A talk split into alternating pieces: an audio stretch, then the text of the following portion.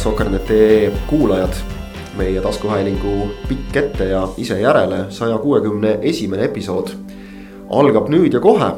me alustame seda noomitusega seekord, alustame seda noomitusega headele kolleegidele Ott Järvela ja Kaspar Elissaar, nende nimi nimi, nimed. noomitus seisneb selles, et härrased on otsustanud siirduda puhkusele ja, ja sellisel Eesti jalgpallile ja Eesti jalgpallisõpradele raskel ajal jätnud, jätnud meid üksi, ehk siis hüljanud toimetuse, võiks öelda lausa selle kohta. aga ei hullu, saade saab tehtud. saade saab kindlasti tehtud, saates saab räägitud kõigest, millest on vaja rääkida, vaja on rääkida paljust.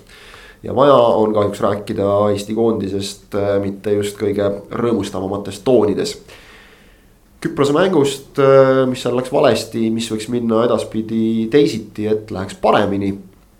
ja mitmest muust asjast loodetavasti ka räägivad täna Kristjan Kangur, lisaks minule veel Kris Ilves. tere ka minu poolt, tahaks võib-olla alustuseks öelda lisaks nende puhkusejuttudele, et tundub, et peatoimetajale tuli, tuli puhkus kasuks, sellepärast et Fantasy viienda mängunädala pani Kasper kinni ja siit saab teha ainult ühe väga lihtsa järelduse, ei saa rohkem lubada selles suhtes, et, et me nagu ikkagi peaksime olema selline kasutajate poole näoga pööratud portaal ja, ja ikkagi külalislahke, mitte nii, et. roobitseme kõik asjad endale kokku, aga hea küll. tööõnnetus. tööõnnetus ja et, et lubame, et seda, mis vähemalt kui meie nagu võimuses on, siis seda enam ei juhtu. ja lisaks veel ka stuudios täna Heiti Heli. Tervist ka minu poolt, võib-olla Fantasy'st nii palju, et sain kolm vooru olla siis meie toimetuse sõbraliiga liider, aga nüüd, nüüd olen viies.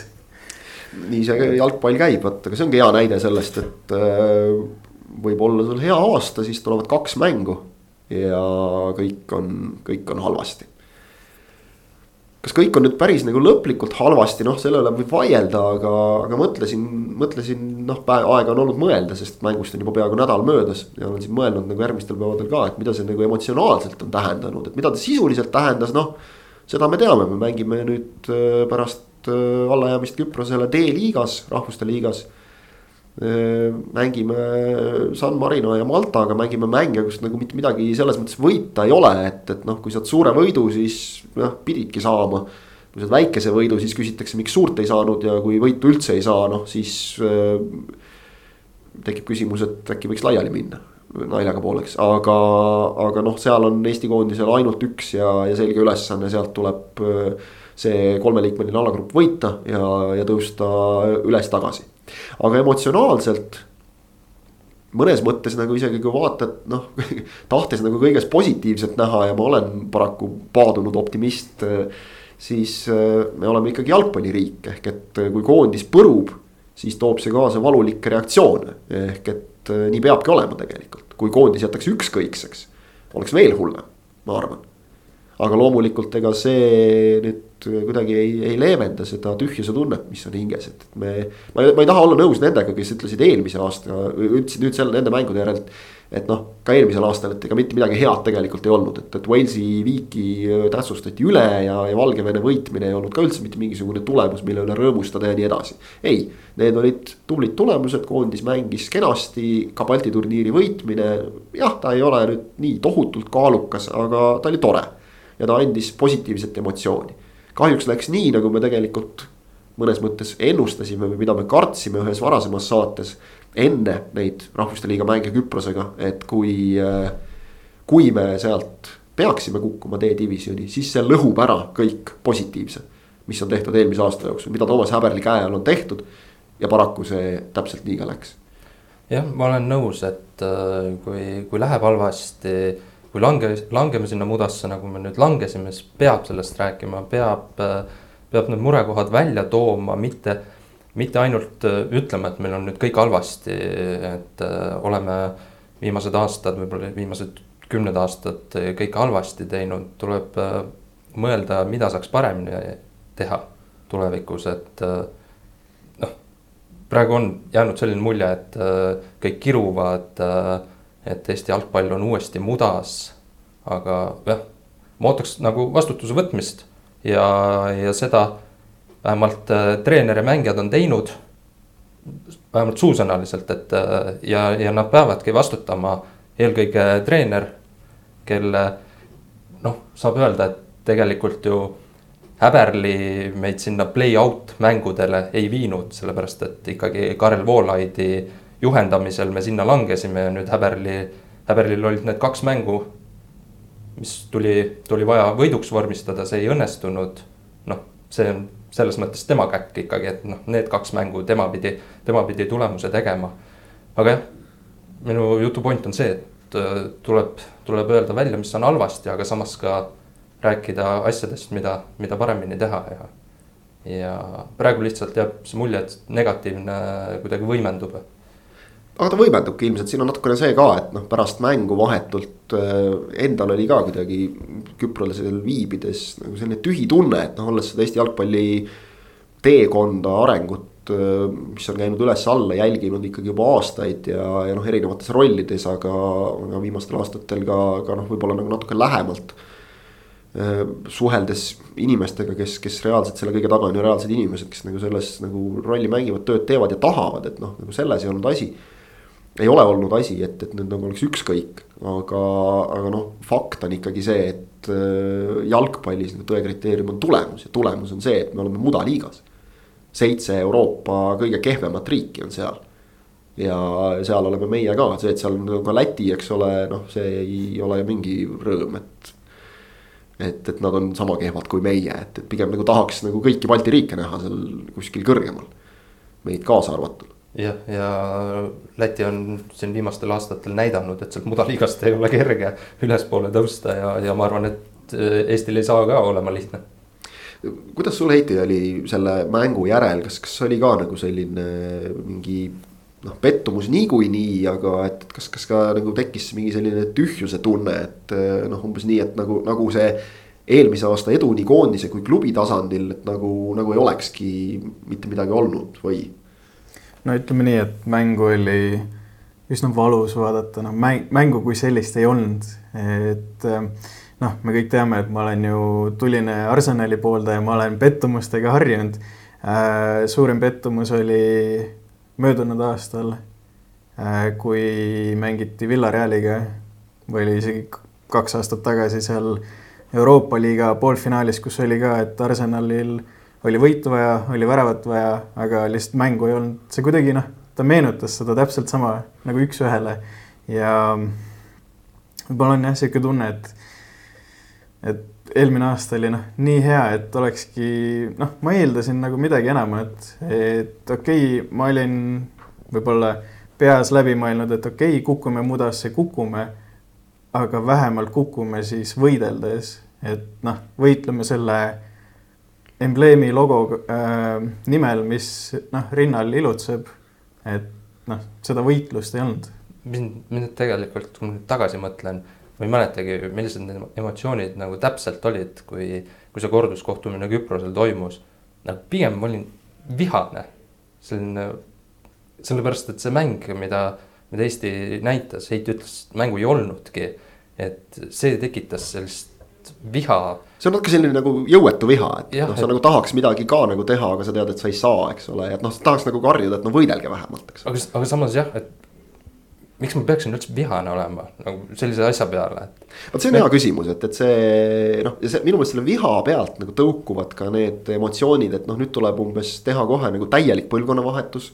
vaatame lihtsalt mängijatele passi, lööme minema kõik vanad, toome uued asemele, justkui meil oleks nagu nii tohutu mängijate valik. Saadame peatreeneri minema. Äh, saadame kogu jalgpalliliidu kontori laiali, eks ole, noh ja nii edasi ja nii edasi. et, et selle pealt tulevad need emotsionaalsed reaktsioonid ja mõnes mõttes nad on loomulikud. aga vot nüüd ongi see küsimus, et kui kaua see kestab. kui kaua sa nagu lased seda noh, viha nagu, eks ole. see on palju laiem teema kui Eesti koondis, et, et. et, et noh, isegi nagu Eestis me õnneks nagu seda puh-puh-puh veel loodame, et ei peagi kogema nagu ei koge ka, aga mujal maailmas see väljendub, eks ole, noh, sotsiaalmeedias lausa nagu ähvardamises ja, ja kõiges muus. et, et see jalgpalli nautimise pool, pettumus käib sellega kaasas. aga et nüüd pettumusest noh, ei saaks nagu mingi viha ja raev, et noh, et see, see on nagu üks asi, mis. mis on mind natukene pannud nagu kõrvalt vaadates mõtlema, kui nüüd korraks natuke sellest mänguteemast nagu puht inimpsühholoogia valdkonda kõrvale kalduda. Aga fakt on see, et, et põhjust noh, nagu olla vihane, olla pettunud, ükskõik mis sõnadega seda iseloomustada, et, et see on. see, see on, on kindlasti oluline, aga, aga nagu sa ütlesid, et, et, et selle noh, on põhjust olla aga, aga oluline on see, et et nagu sa mainisid, teha järeldused, minna edasi sealt, et noh, kui jääda nagu sellesse pettumusse, vihasse, ükskõik millesse kinni, samamoodi nagu on halb jääda kinni mingisse eufooriasse siis sa ei arene kuskile. et praegu tuleb siit ka teha nagu õiged järeldused, et ma ütlen ausalt, kui ma kuulen nagu noh, sellist põhjendust ka näiteks äh, jalgpalliliidu juhatuse liikmelt, et noh, me oleme alles kolmkümmend aastat arendanud seda jalgpalli, et noh, ega ei saagi nagu. et noh, andke, andke aega, siis päris nagu sellega ei tahaks ka nõus olla, et, et see on ikkagi piisavalt, noh, sa ei saa nagu selle taha pugeda, et, et. et see ongi pikk protsess ja, et umbes, et kõigil tuleb tagasilööke, et noh, mis siis jah, Itaalia jäi ka MM-ilt kõrvale, aga et noh nii nagu itaallasi ei huvita nagu meie tegemised, meid ei peaks nagu nende asjad huvitama, et, et meil on vaja nagu endal kodus asjad korda saada ja praegu ilmselgelt ikkagi. olgu see siis nagu Voolaid ajal ajanud, alanud ja Häberliga nüüd lõppenud see selline noh. nimetame seda siis allakäiguks või kuidas iganes, eks ole, mis meid sinna D-divisjoni kukutas, et äh,. me ei noh, see ikkagi peegeldab midagi mm. -hmm. see mingeid, mingeid ikkagi pikema aja jooksul tehtud möödalaskmisi, see ju peegeldab jah, kui me võtame eraldi need kaks mängu, mis siin oli, tegelikult see oli ju kollektiivne krahh nii treenerite kui mängijate poolt. keegi ei oodanud seda eelmise aasta põhjal Häberlilt, Häberlit kiideti, ta tegi suurepärast tööd ja tegigi. eelmine aasta oli emotsionaalses mõttes, aga ka mängulises mõttes oli, oli väga korralik Ja. ärme unustame siinkohal seda, kus ta hakkas seda meeskonda kergitama, et noh, sisuliselt ka tegelikult põhjast me ei olnud siis nagu, me praegu on see põhi nagu selle D-divisjoni kohaga nii-öelda nagu ametlikult formuleeritud, aga mänguliselt olime me siis nagu noh, ka noh, omadega nullis. et jah, võib-olla nüüd mingi null-null Walesiga ei ole noh nagu mega tulemus, eks ole, aga lihtsalt see eneseusk, mis mängijatest paistis. see oli, oli, oli nagu esimene asi, mille ta tuua sai. nüüd oleks pidanud tulema järgmine samm, selle asemel tuli hoopis noh, isegi mitte samm tagasi, vaid lihtsalt kukuti plaksti jälle nagu seljaga vastu maad no et... samas ju ka see, et noh, okei okay,, tulemus tulemuseks, aga noh, mängu ju kui sellist oli, noh, oli ka ju kodus Walesi vastu, me kaotasime null-üks, aga mängu kui sellist ju noh. sellist nagu... asja, nagu me nägime nüüd eriti noh, Tallinnas oli veel nagu enam-vähem talutav, aga, aga nagu me nägime Küprosel, et see oli võib-olla kõige suurem ootamatus, et see sellist noh ma ikkagi nimetaks seda, ma ei taha kahelda nagu Eesti jalgpallikoondislaste tahtmises, aga, aga see, kuidas see välja paistis see oli, ma ei tea, kas siis tahtejõuetu või lihtsalt jõuetu. jah, seda, see ei paistnudki kuidagi välja, seda nagu ei olnudki. aga ma ei tea, võib-olla rääkida valikutest. valikutest et... tuleb rääkida, kindlasti, sest et äh, jah, mängijad jooksid lati alt läbi kollektiivselt, seal on isegi nagu raske öelda, kes rohkem, kes vähem, et noh, okei okay, Vladislav Kreida võis teha lolli vea, mis äh, lõppes äh, vastaste väravaga keegi võis eksida kaitses, keegi võis jätta rünnakul asjad löömata, aga, aga ikkagi me ei saa nagu üle ega ümber ka sellest, et äh, treenerid panid puusse, kas siin oli nüüd siin. ma ei tea, sellise ehk Peep Guardiolaliku ülemõtlemisega tegemist olulise mängu eel. aga eeskätt siis Henrik Ojamaa ja, ja Marko Luka kasutamise osas, et, panna Luka parem kaitsesse ja panna Ojamaa äh, ründama poolkaitse kohale, mitte äärele. noh tagantjärgi oleme kõik targad, aga ütleme nii, et, et see, see tundus nagu risk ja see risk ei õigustanud ennast üldse. jah, ma tegelikult see Ojamaa tundus tegelikult ju loogiline ta panna sinna keskväljale, kuna ta Flora, noh, ta ei ole Floras küll väga palju mänginud, pigem, pigem äh, teise poole, teises pooles. ta, ta on vaata, siin on vahe ka, et ta on mängu käigus sinna liikunud, mitte seal alustanud. et äh, kui koosseisu nägin, siis see Ojamaa ei, ei olnud selline, et, et äh, ei näinud selles nagu probleemi, see oli selles mõttes eeldatav ka, et ta, ta võib sinna minna, aga Luka oli küll üllatus. kui sul on äh, meeskonnas selline paremkaitsja, selge paremkaitsja, kes võib ka vasakkaitses mängida, aga no ikkagi paremkaitsja, Michael Lillander, kaks mängu ja, ja ei saanud võimalust. Äh, puri oleks võinud äh, ükskõik äh, kus, kus ja mida lappida ja nagu teame, et siis Häberli äh, usaldab Purit Puri tegelikult, tegelikult ei ole koondise mängudes alt ka vedanud, et. et noh, jah, sa ütlesid tagantjärele võime kõik targad olla ja, ja noh, selles mõttes olemegi, aga no kui sellest keskvälja murest rääkida, siis ikkagi käiti ei olnud. okei okay,, tegelikult tervet meeskonda ei olnud seal Küprosel, aga no see käidi puudumine ikkagi pani päris kõva pitseri, et äh, tundub, et kui keegi on praegu Eesti koondises asendamatu mängija, siis, siis Käit vist praegu on. Käit ja ikkagi tooks ka välja Märten Kuuse, kes ja. emotsionaalses plaanis äh, on, on kuidagi kujunenud, äh, on, on aru saada, ühesõnaga, et kui teda ei ole siis, siis mängis Flora teistmoodi. Siis on mänginud koondis teistmoodi ja, ja see on selline, kuidas öelda, nagu vaikne autoriteet. see tuleneb natukene kuidagi inimloomusest ka, et, äh, et noh Ragnar Klavani liidriomadustes nagu ütleme, mängijaoskustes ei kahtle keegi. liidriomadustes ka justkui mitte, ega Klavan tegelikult oli üks väheseid, kellele selle Küprose mängu järel noh, ei ole suuremat ette heita. et tema mängis oma välja selles plaanis ei noh, ei ole nagu küsimust, hea, et ta oli võtta, et ta oli olemas. aga Kuusk ja Käit on äh, sellise X-faktoriga mängijad, ma ütleksin. mida on nagu sõnades raske väljendada, aga kui need mehed on väljakul, siis see enesekindlus, mida isegi tingimata ei pea nagu õhkuma neist otseselt mõni mängija on selline, et vaatad peale ja saad aru, et noh, ta tõesti usub endasse jäägitult ja, ja see on ka äge ja see võimaldab tal teha suuri asju aga on ka mängijad, kelle enesekindlus kuidagi kandub edasi ülejäänud meeskonnale täiesti märkamatult ja minu meelest Käit ja Kuusk on just sellised mängijad. võime rääkida ka Karl-Jakob Heina puudumisest loomulikult, Matvei Igonen ei teinud tegelikult halba mängu, tal ei olnud seal, noh, tal ei olnud kummaski mängus tegelikult üleliia palju tööd. aga samas just Igonen tegi esimesel minutil kohe prohmaka kahekümne sekundiga, mis võib-olla lisas natukene närvilisust meeskonnale, vaevalt, et see nüüd noh, nagu ainult sellest tulenes. aga, aga see võimendas kuidagi seda närvilisust, seda hirmu, noh. tsiteeriks siinkohal legende, et äh, hirm on see, mis mehe araks teeb. See... ja see, see minu meelest oli Eesti koondisel praegu oli ka see, et kardeti nii väga kaotada. et siis sa lõpuks kaotadki. see esimene minut, see võib-olla võtabki hästi selle Eesti mõlemad mängud tegelikult kokku, et oli näha, et, et mehed on pinges. õhkkond oli selline närviline väljakul, et nagu sa ütlesid, kardetakse kaotada ja igasugused sellised väikesed ebaõnnestumised. Need ei anna, need ei anna mitte kellelegi juurde, eriti kui need toimuvad mängu alguses. ja nii see läks, aga üldse kõik erinevad asjad langesid kokku.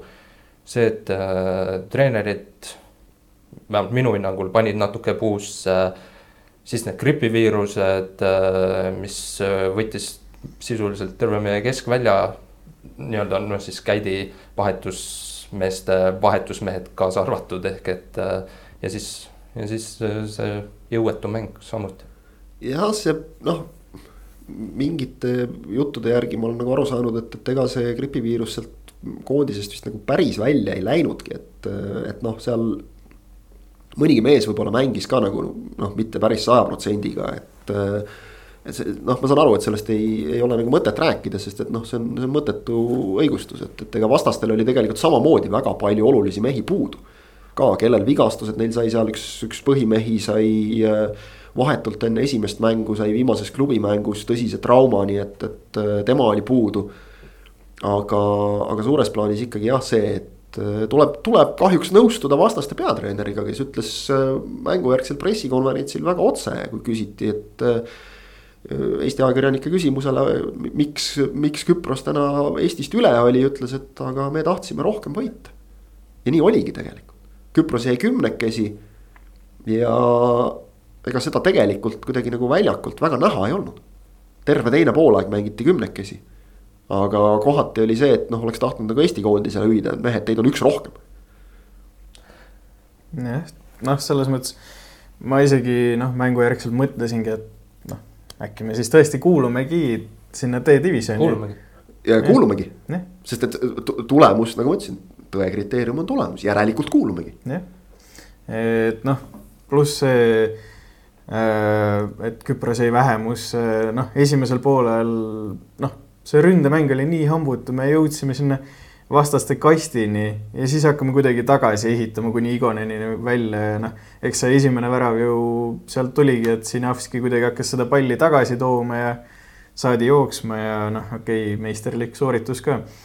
ja ma mõtlesin, et noh, vaheajal ju ikka Häberli võiks ja peaks ju rääkima, et noh, asjad üle ja mängijad mõistavad, et teeme siis midagi teistmoodi, aga noh, täpselt sama vahe, mäng ju. vahetustega proovis, aga need, nendest tolku ei olnud, aga ma ei tea, väga ei ole vist mõtet sellest mängust liiga palju jahuda, et. ma näen, su nägu läheb nii hapuks juba sellele, sellele mõeldes, endal läheb ka tuju ära nagu. aga võib-olla, kui tagasi mõelda sellele esimesele mängule. Äh, Eesti mängis ettevaatlikult. Äh, ma algul mõistsin seda, täiesti arusaadav, ettevaatlikult, sellepärast et edasi, edasipääseja selgub ikkagi kahe mängu kokkuvõttes aga nüüd, kui see teine mäng ka ära oli, siis tuleb tõdeda, et pigem oleks pidanud ikkagi kodus julgemalt mängima ja, ja seda, seda võitu otsima, sest kasvõi selle üks-nulli pealt oleks väga palju parem olnud sinna Küprosele minna. see oleks pannud kohe surve vastastele, nüüd oli ikkagi see, et okei okay,, Küpros toonitas seda mitu korda, et me saime Tallinnast nulliga tulema, see on meie jaoks väga hea. ja noh, täpselt nii oligi, kodupublikut oli neil ka seekord vist neile endalegi üllatuseks päris palju toetama tulnud. ehk et äh, jah, Küpros, Küpros vääris kahe mängu kokkuvõttes äh, igal juhul edasipääsu. ja kordusmängus äh, minu jaoks kaks otsustavat hetke. esimene oli see, kui Küpros sai teise poole alguses punase kaardi. me olime null-üks taga, see oli koht, kus me oleks pidanud selle Äh, initsiatiivi haarama, emotsionaali, emotsionaalselt äh, mänguga jätkama.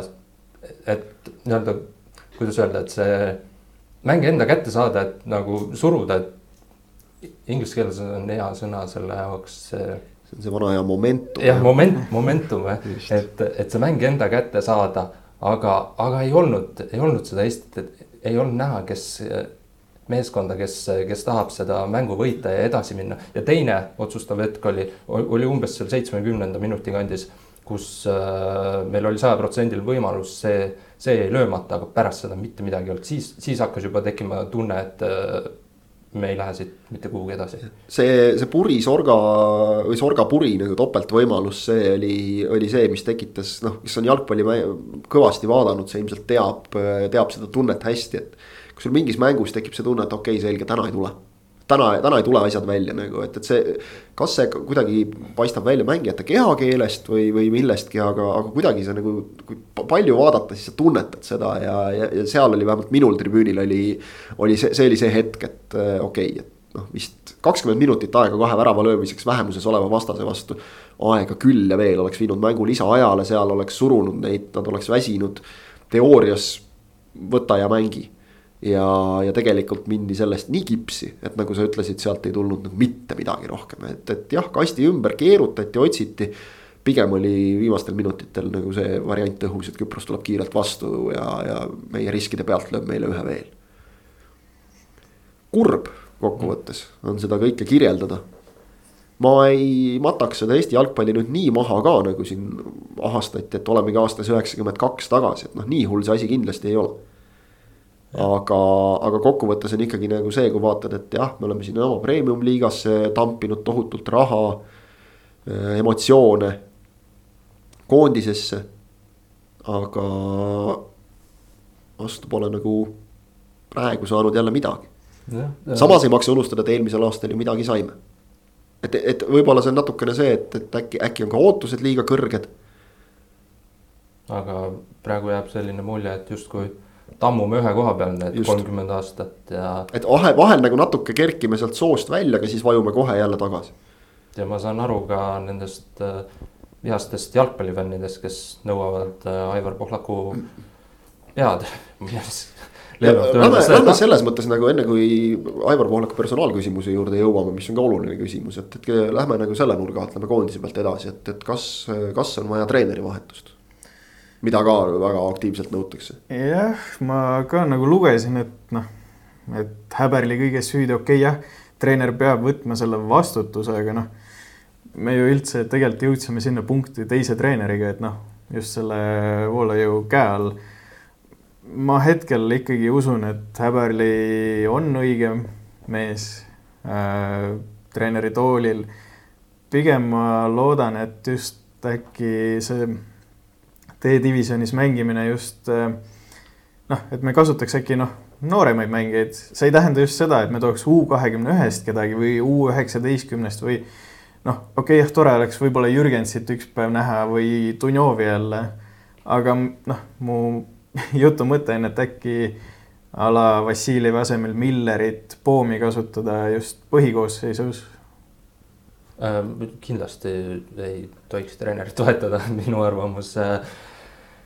Aga küsimärk on võib-olla see, et miks seda lepingut enne pikendati, et no lepingut vist lepingut vist tegelikult pikendati enne, kui see nagu avalikuks tehti, avalikuks tehti ta nüüd enne mänge, et tegelikult juba eelmise aasta lõpus. no ilmselt taheti treenerile anda nagu töörahu, et, et noh, sa ei pea nagu mängima oma ametikoha peale nii-öelda.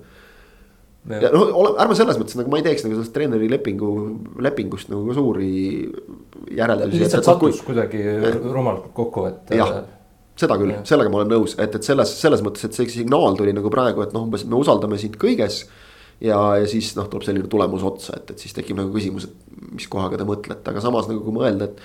kui see leping anti või lepingu pikendus anti nagu juba aasta lõpus, noh siis tegelikult oli ta ju igati loogiline. ja ärme nagu seda ka unustame, et kui treener, kui nüüd me peaks nüüd rahvuste liigas nagu lati alt läbi jooksma, ehk et nagu Malta ja ja San Marinoga võideldes edasi ei saa, mis muide ei ole tegelikult utoopia vallast, et, et noh, okei okay,, isegi kui näiteks õnnestub San Marinot mõlemas mängus võita, mida me muide viimati nendega kohtades ei suutnud. meenutagem, siis äh, Malta puhul seal võib äh, ühest ebaõnnestunud mängust piisata ja, ja ongi kõik. tegelikult, et, äh, et ega siin eksimisruumi ju tegelikult ei ole. Ja, ja, ja noh, eeldades, et, et nemad noh, vaat jällegi, et San Marino on ka niivõrd äh, ikkagi pisike ja, ja õnnetuke et eeldada, et nemad Maltalt punkte võtaksid, mis noh, meid aitaks võib-olla, et, et nad seal omavahel kuidagi teineteiselt punkte rööviksid, et seda võib-olla ka väga ei maksa.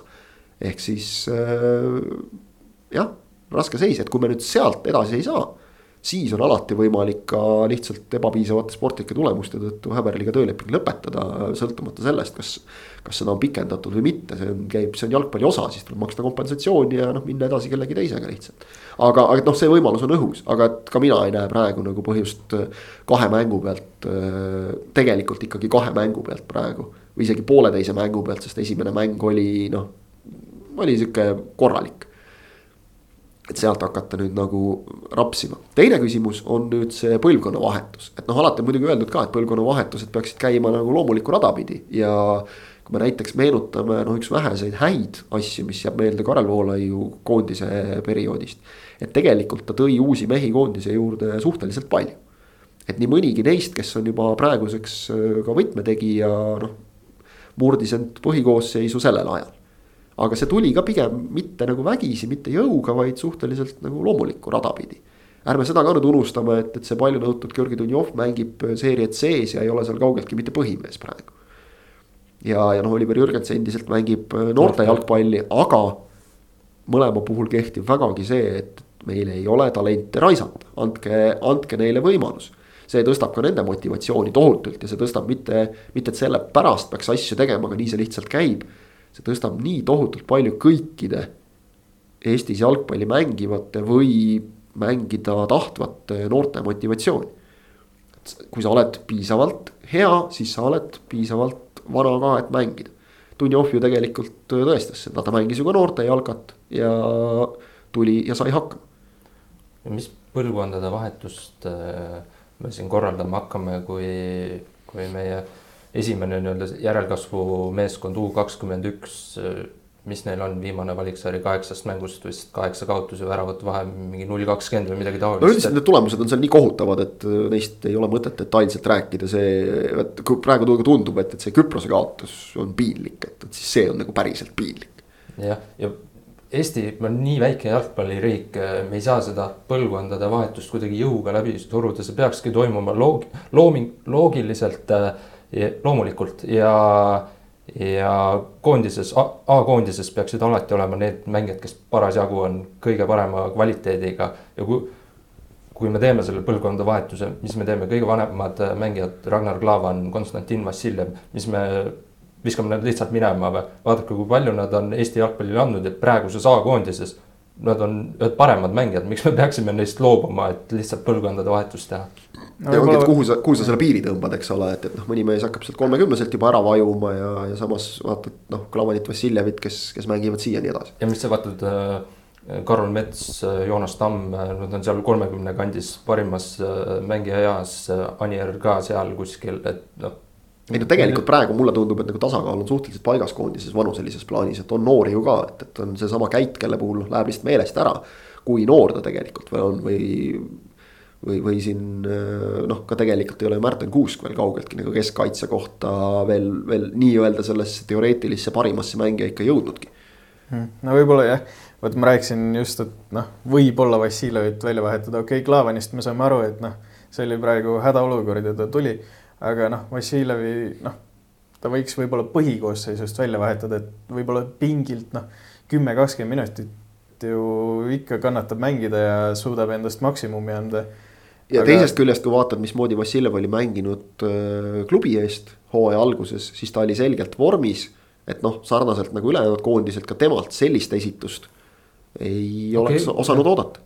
Vassiljevil need mängud ei õnnestunud nüüd need kaks mängu, aga ikkagi minu arvates ta on ikkagi selles mõttes A-koondis üks kvaliteetsemaid mängijaid. et noh, viimaste mängude pealt võttes, siis me tõesti peaks kogu koondise välja vahetama, sest kellelgi ei õnnestunud need mängud. aga vähemalt positiivne on ju nüüd see, et okei okay,, jah, oleme D-divisjonis, aga meil on kolmene alagrupp, mis tähendab, et meil on ka nüüd sõpruskohtumised, kaks punkti, mis on positiivsed, et me saaks jah, võib-olla neid nooremaid mängijaid nüüd rahulikus keskkonnas äh, testida ja teine, et me saame nüüd võib-olla hüvasti jätta ka mõnede endiste koondislastega. jah, see võlg on ammu juba ootab, ootab likvideerimist siin päris, päris paljude Eesti koondise väga selgete legendide ees. aga lihtsalt meenub mulle, see oli vist Norra koondise peatreener, kes nüüd siin enne siis, kui neid play-off'e mängiti, siis paljud koondised said lõpuks maavõistlusi pidada, et seda ei ole ju palju või noh, mis palju pole üldse olnud tegelikult, et Norra koondise peatreener vist oli see, kes ütles, et äh, mul on nelja aasta järel esimest korda äh, võimalus äh, nagu tõeliselt pidada selline noh, nii-öelda sõprusmäng. ja ta ütles, et jah, et ei, see ei saanud norrakate peatreener olla, see pidi keegi teine olema, kes, kes, kes mängis ka küll ka maavõistlusi siin enne, enne suurvõistlusi, enne suvist EM-i äkki oli see Tšehhide peatreener, kellega Norra mängis, võib-olla mul on sealt meelde jäänud, polegi tähtis. Äh, enne suvist EM-i, et jah, okei okay,, sul on seal ka nagu noh, nii-öelda sõprusmängud, aga seal sa ikkagi valmistud juba finaalturniiriks, sul on konkreetne koondis välja valitud, seal sa enam ei katseta. et selliseid katsetamise võimalusi tegelikult ei olegi väga olnud, meil endal on ka hea näide siin, kui me mängisime küll jah, ka Põhja-Iirimaaga, eks ole, maavõistluse.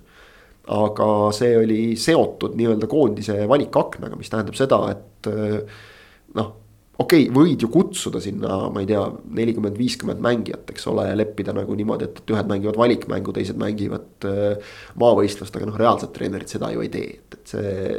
see, selliseid maavõistlusi jah, see, see kolmene grupp nüüd noh, vähemalt mingi võimaluse annab, et, et kes, kelle me sealt vastaseks saame, on muidugi omaette küsimus sest et äh, kõik Euroopa asjalikumad riigid on ju samal ajal rahvuste liiga mängudega hõivatud ainult C-divisjonis või D-divisjonis on ainsana see kolmene grupp, ülejäänud on ju kõik neljased, ehk et seal mänguvabu meeskondi pole, aga, aga noh, tuleb, tuleb keegi leida ja tuleb neid mänge maksimaalselt ära kasutada. aga need on nüüd need kohad, kus, kus saab ikkagi proovida natuke rohkem ja noh, ütleme, et me tahaks nagu väga loota, et mängud Malta ja San Marinoga lähevad ka nii, et kui koondisesse kutsuda mõned vähesema koondise kogemusega mehed, siis viimased kakskümmend, kolmkümmend minutit sa seal juba mõnele saad, saad anda. natukene kogemusi ka. nagu lubatud, äh, lähme siis selle juurde ka, et äh, paljud näevad olukorra lahendusena ainsat äh, võimalikku tegevuskäiku selles, et jalgpalliliidu president astub tagasi. kindlasti ta seda ei tee kindlasti ta seda ei tee, selle võib kohe ära öelda. niisama noh ei, ei, ei hakka ta seda tegema. ta ei ole juba, isegi kui oleks mingi noh, praegu on suur krahh selles mõttes Eesti jalgpallis, aga aga ta lihtsalt äh,, Aivar Pohlak ei ole juba loomult selline. ja no tema kes... jaoks see tähendaks ilmselgelt nagu seda, et, et ta mitte ei võta vastutust, vaid ta põgeneb probleemide eest, nii et äh, on see õige või vale, igaühe enda otsustada, aga, aga noh, on fakt see, et, et. Äh, et seda ei juhtu.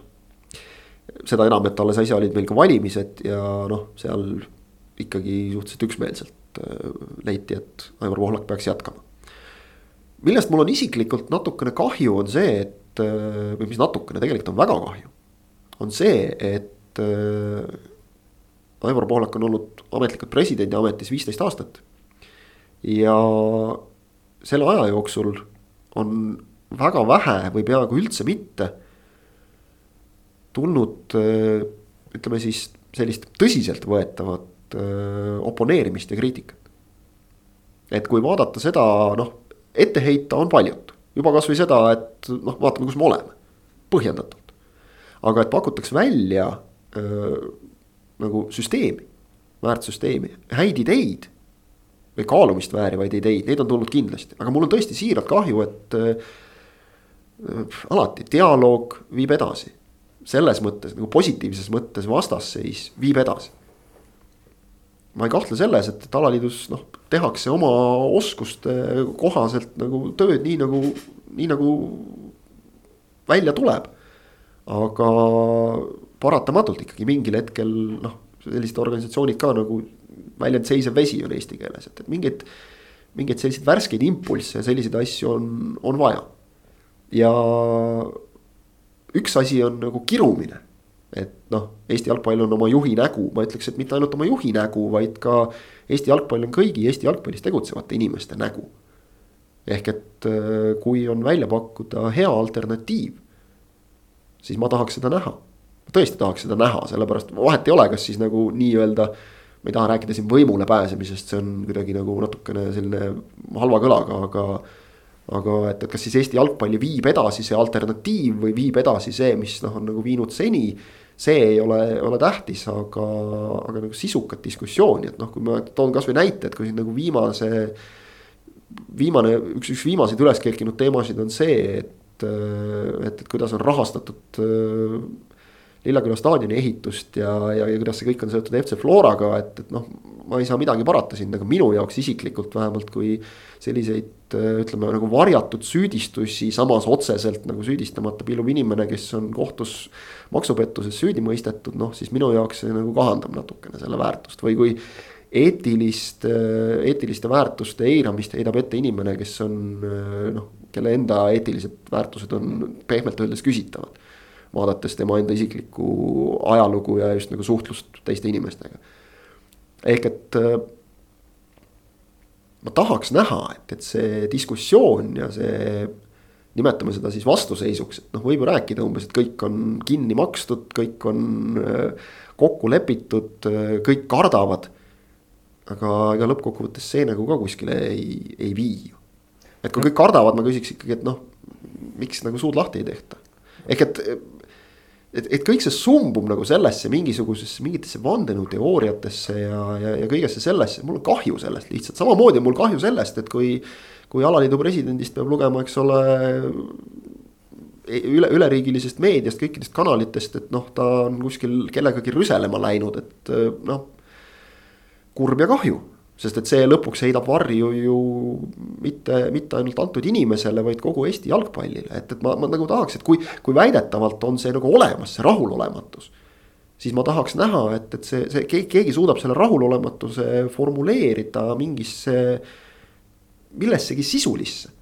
et kuidas me siit edasi läheme, sest et praegu, kui vaadata, siis äh, mingeid muutusi on ju, on ju vaja. aga samas kui küsida, et kes on rahulolematud, tegelikult ju Aivar Pohlakul äh, vastaskandidaati ei ole.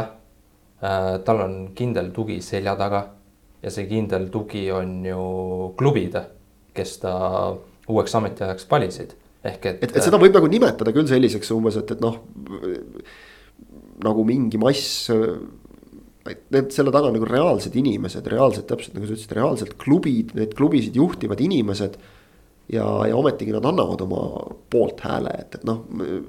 ega selles jalgpallis nagu nii suured rahad ka ei liigu, et nagu kõiki jõuaks igal aastal kogu aeg kinni maksta ja et, et nüüd see nagu.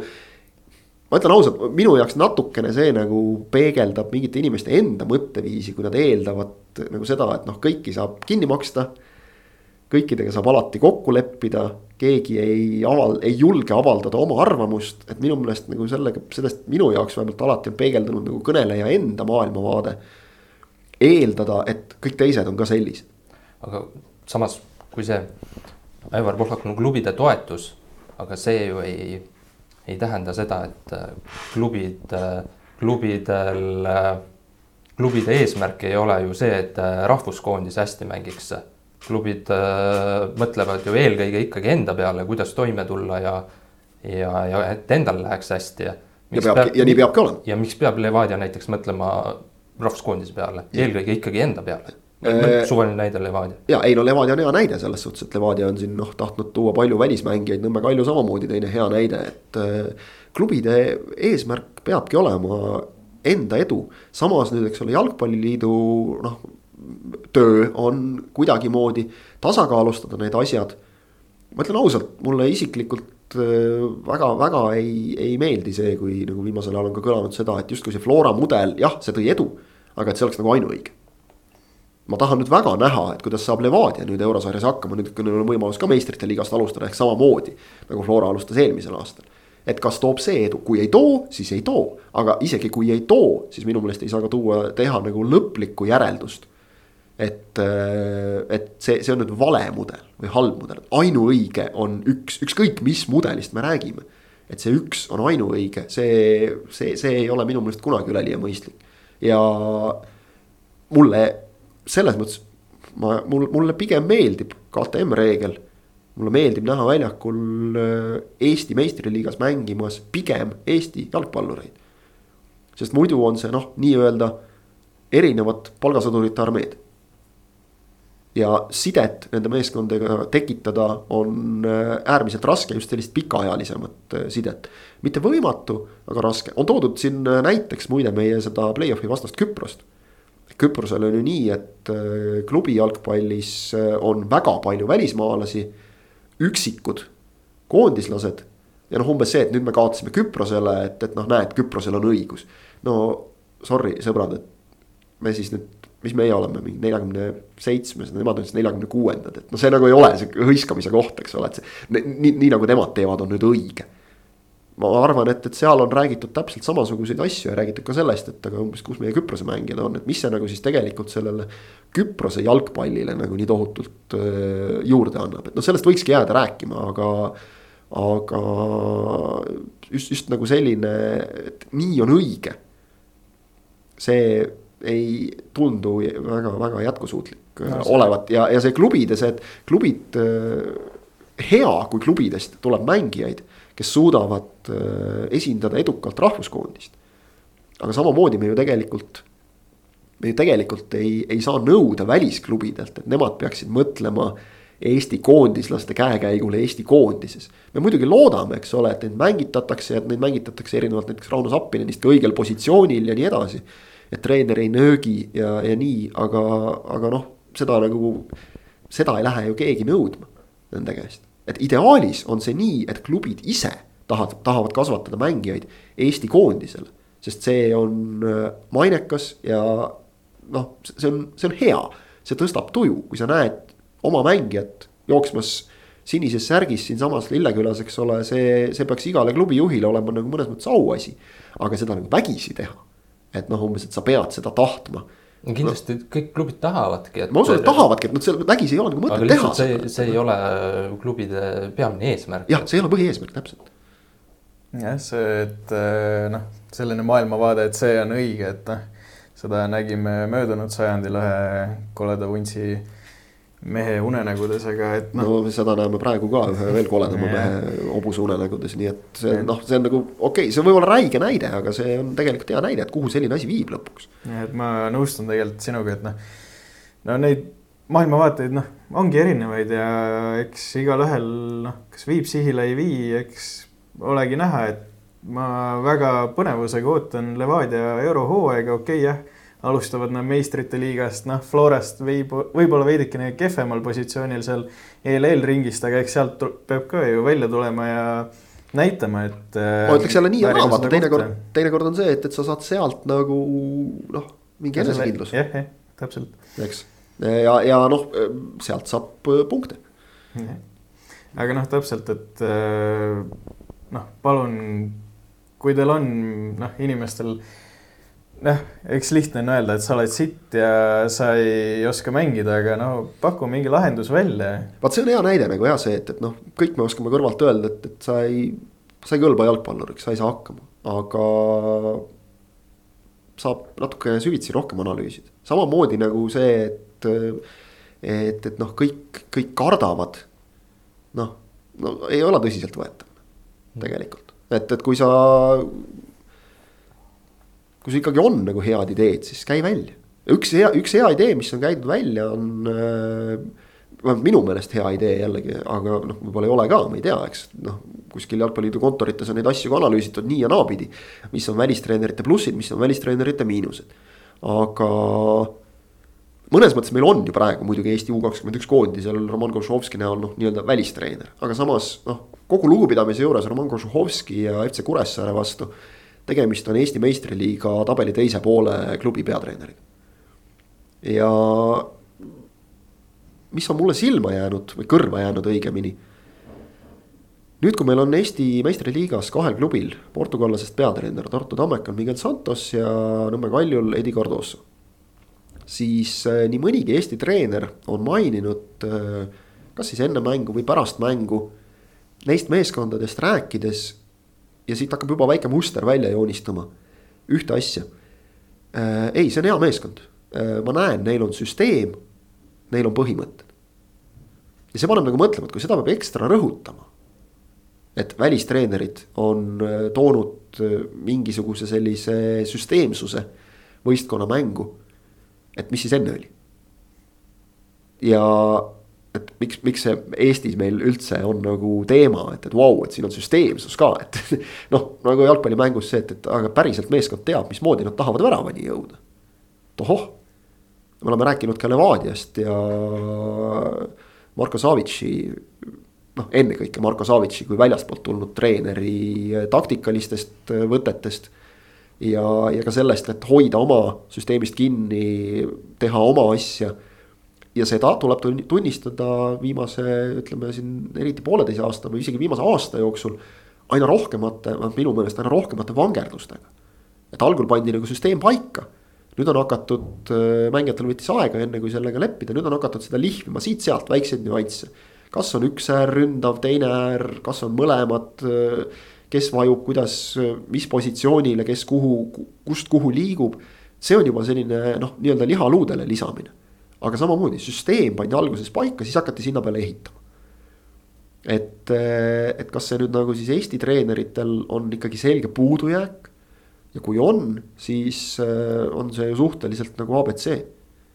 et, et kas peaks olema Eestis ikkagi rohkem eh, välistreenereid ka ütleme näiteks nii nagu oli sellel kahe tuhande kolmanda aasta koondisel, mis lõpuks kahjuks koroona tõttu oma kodusest välja teenitud finaalturniirist ilma jäi aga seal oli ju väga süstemaatiline töö, mis käis, et, et oli personal oli suurem natukene, kasvõi näiteks psühholoogi arvelt, mis on täiesti omaette teema, et kui me mõtleme sellele Eesti koondise esitusele, kus ikkagi tundub, et igas mõttes põleti läbi. et noh, ma tean, et A-koondise mängijatele nagu psühholoogi neid nagu psühholoogini viia, kui nad enne ei ole seda teinud täiskasvanud inimestele, see on kindlasti keerulisem, kui see on nagu noorte puhul, kellele noh, sa võid sealt juba U viisteist kuskilt sealt vanuseklassidest hakata seda juurutama, eks ole, nad võtavad selle omaks, nagu noor inimene ikka võtab kergemini asju omaks. aga et kas äkki see, see võiks olla üks, üks võtmeküsimus, puhtalt selle tõttu, et äh, laiendada vaadet, maailmapilti. jah äh,, treeneritest ma ei tea, kas sa mõtlesid nii või, või mitte, aga natukene jäi praegu sinu jutust mulje, et Eesti treenerid on halvad. mingis mõttes kindlasti nagu.... ei, ma ei ütle, et nad on halvad, sest et noh, see on nagu selline lapiti löömine mm, -hmm. aga, aga lihtsalt mind pani nagu mõtlema see, et ma kuulen sellist juttu, et noh, millest see siis tuleb, et, et sa nagu ütled, oi, nüüd see meeskond on kuidagi nagu süstematiseeritud, oota, mis siis enne oli? et siis äh, kui, kui välismaalt treenerid äh, näiteks tuua ei saa, ei, ei taha, siis Eesti treeneritele äh, anda võimalus, rohkem võimalusi omandada teadmisi, siis äh, välismaalt äh, kogenud treeneritelt, kes seda asja, kellel on, kellel on rohkem teadmisi ja, ja siis on see juba Eesti treenerite enda lahendada, kas ja kui palju nad neid teadmisi edasi viivad.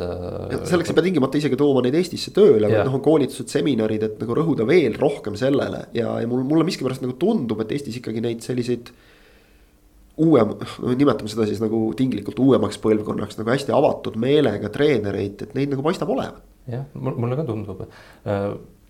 see ei tähenda seda, et me nüüd peame pürgima, ma ei tea, näiteks Saksamaa tasemel või Saksamaa stiil, mis iganes lihtsalt sammhaaval peame võrdlema ennast äh, Nende riikide... sõnapaar, sõnapaar Šveitsi mudel tuli mul kohe meelde, et jah, jah, et vaata igasugused need mudeldamised ja kõik need, et see on nagu teoorias on see õige ja hea, et noh, jällegi mingi süsteem peab olema, mille peale sa ehitad.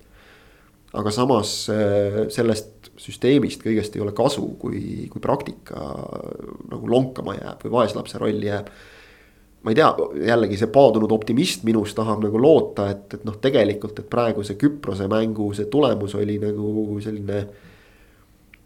varasemate noh, nagu mõrude viljade paratamatu noppimine ja, ja nagu vastu tahtmist ärasöömine nüüd, eks ole.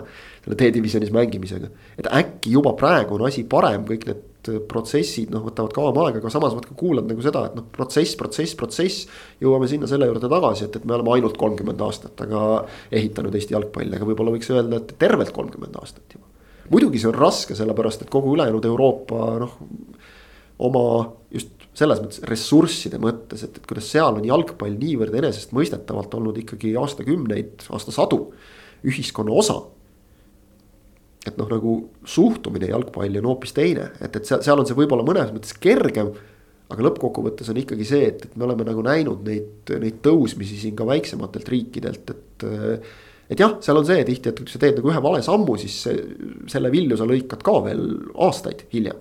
sest eksimisruumi on palju vähem aga, aga et noh, äkki on see, et, et me praegu nagu, et me jätsime tegemata kümmekond aastat tagasi, kui me, meie jalgpall oli väga kõrgel nagu mingid õiged sammud, jäime loorberitele puhkama. et noh, praegu me maksame selle eest, et äkki juba me vahepeal oleme õppinud ja.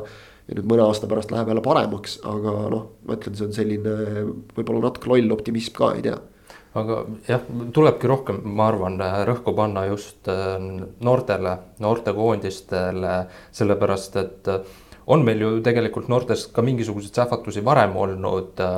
see kaks tuhat kolm äh, aastal sündinud koondis on, on hästi mänginud, aga siis mingis etapis äh, toimub see, kuidas öelda, nagu must auk lihtsalt kaob ära aga. no meil on seal ka ikkagi mängijaid, kes nagu lõpetavad tippjalgpalliga parimas eas, justkui sa peaks nagu tegema läbimurde meeste sekka, nemad lõpetavad ära. see, selle läbi oleks kogu aeg ühtlaselt äh, samal, mm, kuidas ma ütlen, et äh, mitte samal tasemel, vaid äh, et ei oleks selliseid ärakukkumisi ja siis toimus, toimuks ka see põlvkondade vahetus äh, palju loogilisemalt. ja siis me ei peaks rääkima sellest eraldi, vaid see lihtsalt toimuks, eks ole.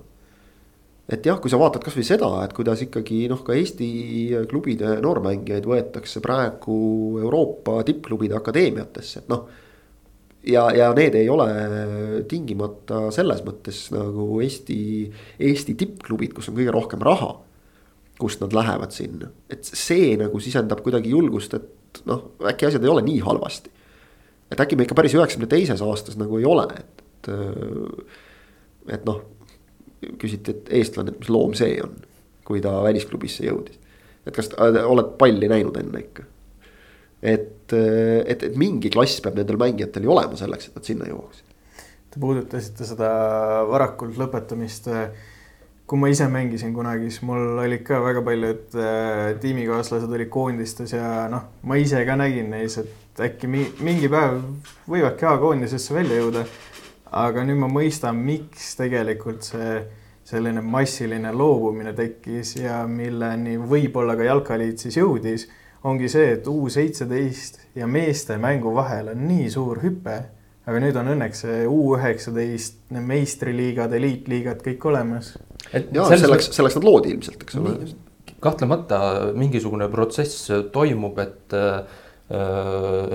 mille, millest me saame võib-olla alles teada viiekümne aasta pärast, aga, aga samas me võib-olla mõtlesime viis-kümme aastat tagasi samamoodi. no me ju mõtlesime, et kui me mängisime siin Lillekülas Iirimaaga play-off'i, et noh et nii võikski nagu olla ju edaspidi. et me võitleme, vähemalt see, et me võitleme nagu valiksarja alagrupis edasipääsu koha nimel. et see, see oli ju sel hetkel tundus noh, nagu järgmine samm, et okei okay,, algul meil olid üheksakümnendatel see, et saaks nagu esimesed punktid kätte.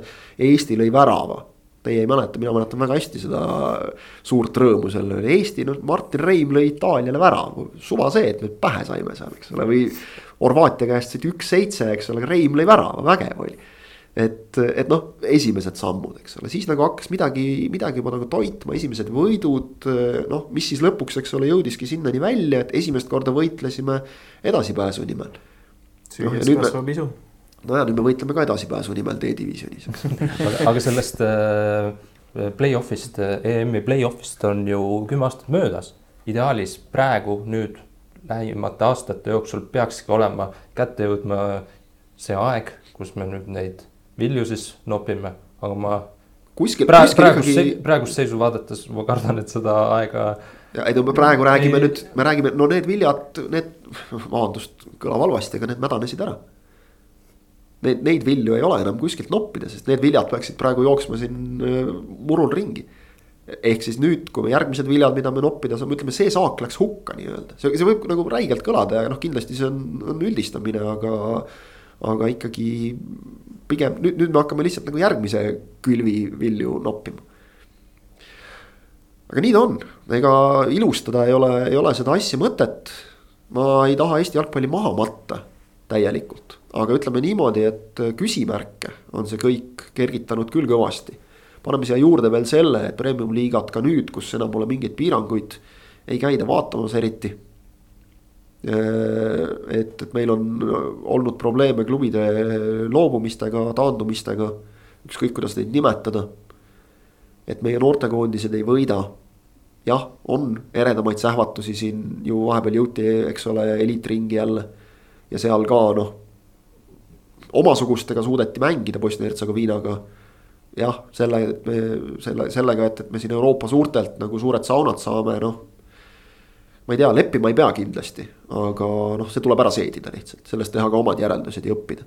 aga noh, vähemalt nagu midagi positiivset on, on ette näidata, et, et see, eks selle, selle asjaga natukene on see, et, et kui vaatad nagu kõike läbi mustade prillide, siis ta ongi hästi sünge. kui proovid olla natuke realistlikum, siis ütleme, et üht-teist head leiab. aga väga valus meeldetuletus eelmise pigem positiivse aasta järel olid nüüd need Küprose mängud küll, et meil on veel Eestis väga-väga suur töö jalgpalli arendamisel ära teha. tegelikult see eliitringi jõudmine, see ju tähendab, tegelikult noored olid EM-ile väga lähedal.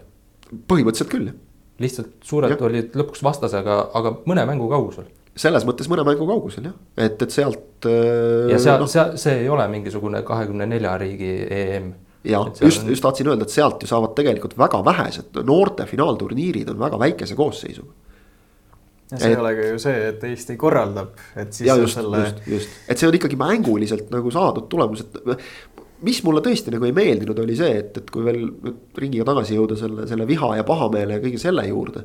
et äh, ei, see ei nulli ära seda, mida tehti eelmisel aastal, see kaotas Küprosele.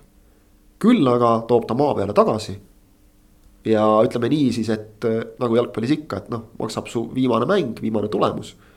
ja ta kärpis kõvasti seda head emotsiooni. Ära ta neid ei nulli, aga samas, samas need ei maksa ka praegu enam eriti midagi. aga loodetavasti ei kärpinud eneseusku, sest ja. see, see ju eelmisel aastal saavutati. see on kõige tähtsam, et koondis leiaks selle eneseusu jälle üles ja, ja noh, üleüldse kogu Eesti jalgpall, et see, see, see peab olema, kui sul eneseusku ei ole, siis sa ei jõua üldse mitte kuskile.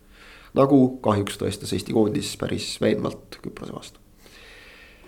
Muudest teemadest ka natukene, sellepärast et äh, saade on meil päris pikaks juba veninud, aga, aga siiski olulisi asju, mõned asjad on veel, millest rääkida ja premium liiga seal mitte midagi. võib ikka tõesti öelda seekord mitte midagi.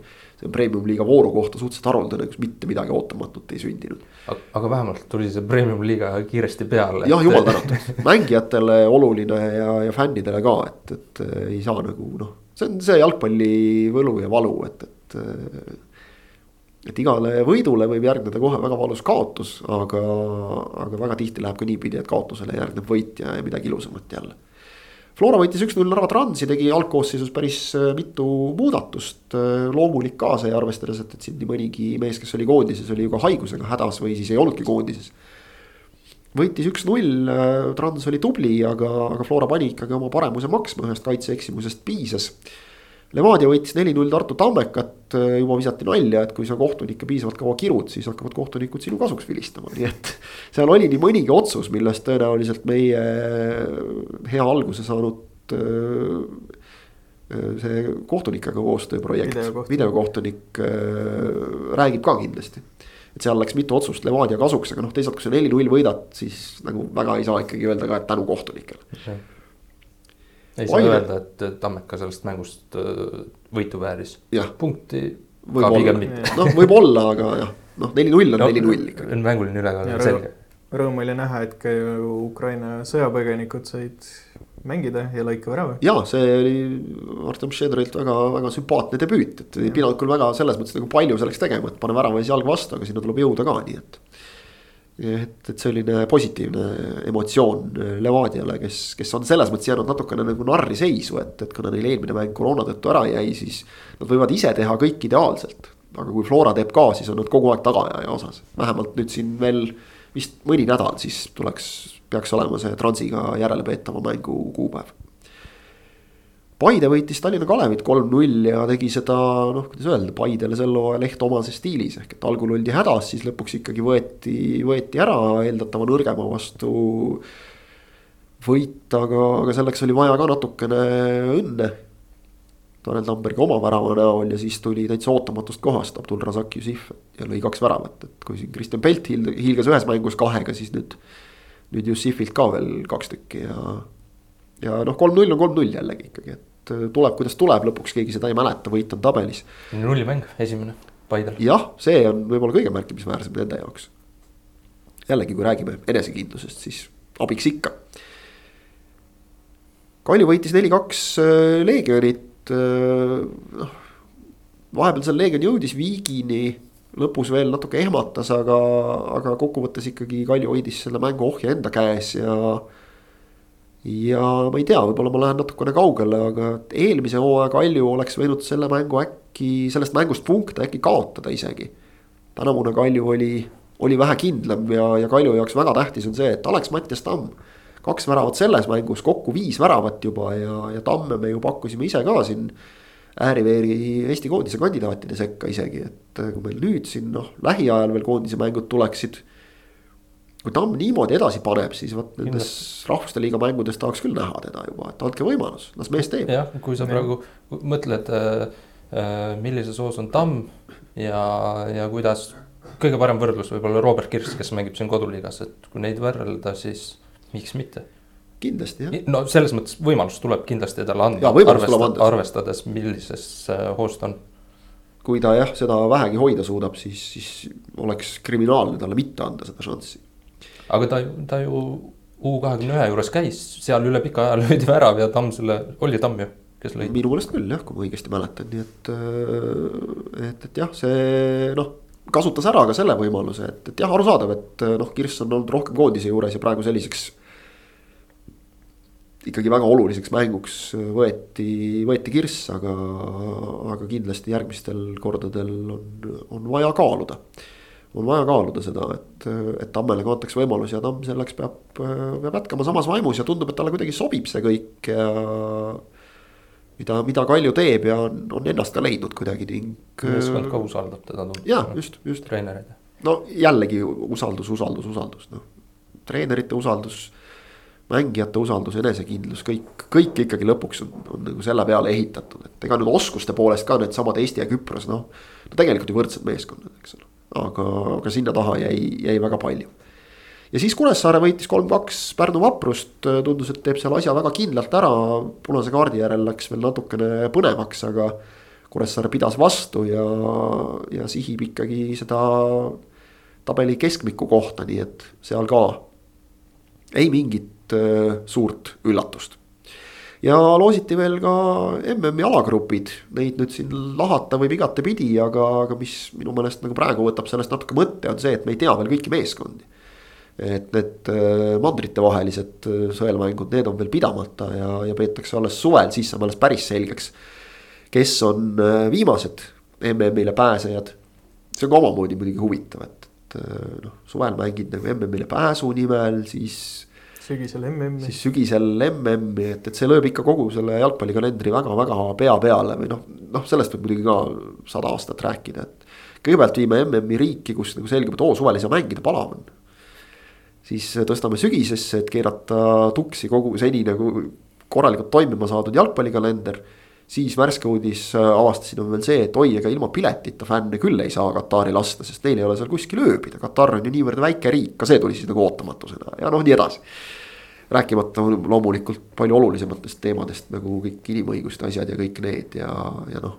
aga pool aastat on, umbes ja. pool aastat on jäänud selle MM-ini, mina küll ootan äh, põnevusega see on just seda, et see toimub äh, sellisel sügisel ajal, sellepärast praegu on okei okay,, ta lööb kõik liigad, liigad ja graafikud lööb sassi aga, aga meile kui ajakirjanikele, ma arvan, et see on. ei, seda muidugi. väga hea üldse tegelikult ka täiesti suvalistele keskmistele jalkasõpradele, kes, kes vaatavad suvel, suvel on mängud, äh, päike, ilus ilm, sul puhkused, sa käid reisimas, teed midagi ja sa võib-olla ei vaata seda suurturniiri. sa ei saa süveneda. mänge ikka vaadata saad, aga süveneda ja, sa ei saa, sul ei ole seda aega, sa pead ikka padufänn olema selleks, et panna ja. nagu suve kõige ilusamad ilmad, mida Eestis on umbes ühe kuu jagu. Panna nagu selle alla, et telekast jalkat vahetada. aga nüüd äh, novembri lõpp, detsember, õues on äh, ilmselt lumi maas, Eestis äh, jahe ka, sul kodus mõnus teleka ees istuda. või kuskil väljas nüüd ja. piiranguid ka loodetavasti tagasi no,. sa ütlesid, pool aastat on aega sügiseni, vaatame veel siis oleme kõik maskides jälle ja istume kodus. aga mis nagu oli nagu esimesel hetkel selline paljude jaoks nagu kuidagi nagu pettumus, et noh, tahetakse, kõik tahavad hirmsasti kasutada sõna surmagrupp, et, et oleks nagu midagi kohutavat. tegelikult loos selle juba suuresti välistab, kui nad seal ei luba nagu eurooplasi liiga palju kokku panna ja, ja noh, mõnes mõttes võib sellest ka aru saada. see on ikkagi suuresti ka ju turundus, mitte ainult, mitte ainult sport nii ta on, tahame või ei, aga põnevaid gruppe on palju tegelikult. Et, et noh, H-grupp võib-olla torkab nagu kõige eredamalt silma, Portugal, Ghana, Uruguay, Lõuna-Korea, aga selliseid oli veel, et, et see, see on ju tegelikult see, mida me tahame, et, et jube mage on ka, et vaatad peale, okei okay,, näed, siin on äge surmagrupp. ja siis vaatad kahte-kolme gruppi, et noh, siin on selge, et, et need kaks saavad edasi ja tõenäoliselt saavad ka praegu peale vaadates noh, selliseid on, kus võib öelda, et no vist see võistkond jääb outsideriks, vist. aga kindel enam olla ei saa ja see on ainult positiivne, ma arvan, et äh, eks ta, eks ta on selline vaieldav teema, Kataris MM-i pidamine igast küljest. noh, fakt on see, et see MM seal Kataris nüüd on ja, ja ta seal toimub ja tuleb siis leppida sellega. ega see tundus ka üsna ebanormaalne, et EM peetakse mööda Euroopat laiali, mitte ühes riigis, aga näed prooviti ära. prooviti ära, saadi hakkama, noh, mina isiklikult, mina isiklikult ei kordaks, aga ega, ega ta nüüd nagu väga palju hullemaks ka ei teinud asja. See on muidugi jälle nüüd selle nagu tele, televaataja aspektist, et äh, see on, seal on nüansse rohkem. televaatajal on tegelikult suva, kus. suht suva jah, et mängige nagu häid mänge, et see on kõige tähtsam. Nende alagruppide kohta see Hush-grupp, nagu sa mainisid, noh no eks ta arvatavasti on see sihuke jutumärkides surmagrupp. kõigil riikidel on Uruguay'ga kana kitkuda, eriti Ghanal. eriti Ghanal, seal on juba, juba tõotati tulist kättemaksu ja mida kõike, et kaksteist aastat on möödas, nüüd saame lõpuks ära teha teil. aga sinna on aega, vähem aega natukene, mõnevõrra on meistrite liigani, mis läheb juba homme jälle, teisipäeval Benfica, Liverpool ja City Atletico ning kolmapäeval Chelsea Real ja Villarreal Bayern noh, hästi kiire pilguga peale vaadates, siis Liverpool on Benfica vastu selge soosik, Bayern on Villarreali vastu selge soosik. City Atletico ja Chelsea Real on sellised, et noh, võta viska münti. ma ütleks, kuigi siin Chelsea sai Kristjan Eriksoni veetud Brentfordilt koduliigas nädalavahetusel tappa saame selgelt ja. ja noh, Atletico hooaeg on ka olnud selline üles-alla natukene, aga aga, aga need kaks paari on ikkagi, ma ütleks, et väga-väga võrdsed, nii et ka põnev ja loodame, et see jalgpall ikka jälle nüüd hakkab positiivseid emotsioone ka meile pakkuma, et saame selle nukra nädala selja taha jätta. ma ei tea, kuidas teil, aga mul, mul hakkab vaikselt nagu see esimene pettumus ikkagi üle minema. ma jah, hea, et see premium liiga selles mõttes vahele tuli, et sai mõtet äh, kodusele noh, selles mõttes liiga jalgpallile, et. ja kes nüüd premium liigat ei jälgi, siis tuleb meistrite liiga ka vähemalt et... mm. -hmm ja neile, kes, äh, neile jalgpallisõpradele, kes ütlevad, et kõik on nii halb, ei taha vaadata Eesti koondist, siis äh, Kristjan Jaak just luges ette teisipäeval, kolmapäeval meistrite liiga. ma arvan, et seal tulevad põnevad mängud. ei, ega minul ka noh, algul oli jah sihuke tunne, et õhtu rikutud, aga nüüd, kui ma hakkasin eile mõtlema uuesti, noh siis need emotsioonid tulid tagasi.